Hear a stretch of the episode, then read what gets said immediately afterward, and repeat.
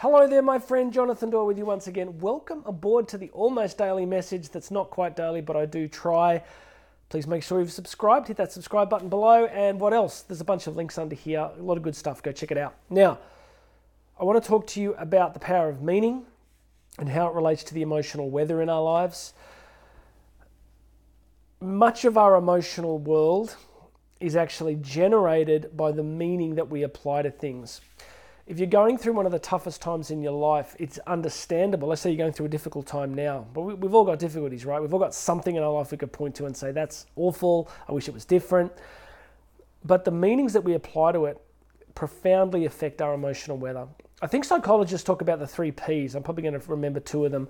Um, that your problem is personal, that, that it's specifically about you, you did it or caused it. It's pervasive, um, that it affects everything and that it's permanent, that it's always going to be there, right? So if you've got a problem, let's say you don't have enough money or you're, you're, you're not happy with your health, maybe you're carrying more weight than you want to carry. So to get negative emotional weather, all you have to do is go, well, it's personal, I did it, I caused it, uh, it's pervasive, it affects everything. This money's affecting everything. Well, it's not affecting everything. Well, yes, it is, but it's not because there's areas of your life that will still actually be really good. You know, like you still have friends, you still probably have your health, for example. So it's not truly pervasive, it just feels like it. And then we tell ourselves it's permanent. I'm always going to be this way. I'll never get in shape. I'll never have the money I want. It becomes permanent. So once you've got those three P's personal, pervasive, permanent you end up basically miserable and nothing works. So, what do you do? You've got to get, we've got to get really good at how we apply meaning. This stuff is work. The longer I have been in the personal development space, the longer I have come to realize that it is very much work.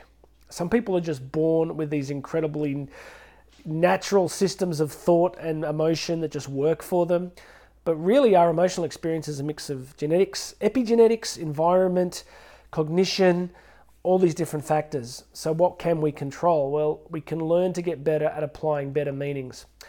So, one, you know, for me personally, COVID hit us really hard. You know, when you're a traveling guy that travels all the time and speaks, and you don't get to travel for like three years, then your business takes a big hit. And it's very easy to apply meanings like, oh, what am I going to do? And I, so I've really learned to teach myself, and I'm still learning to teach myself that this meaning means that I've had to learn new skills. I've had to get mentally tougher.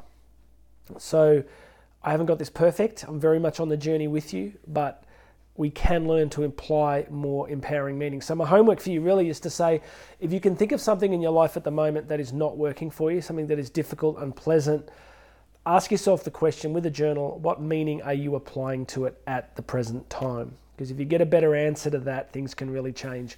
All right, let me know what you think. Post something in the comments. Please make sure you've subscribed, and I'm going to try and get another video done for you tomorrow.